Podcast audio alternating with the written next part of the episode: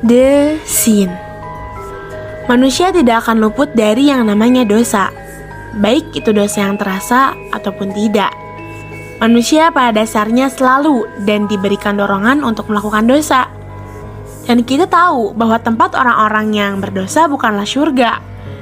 Tapi Allah yang maha baik mengatakan bahwa Allah akan mengampuni dosa-dosa kita dengan syarat kita meminta ampunan kepadanya. Dan luar biasanya Islam mengatur kehidupan manusia sebegitu detailnya. Wa'at bi syayyatal hasanata tamhuha.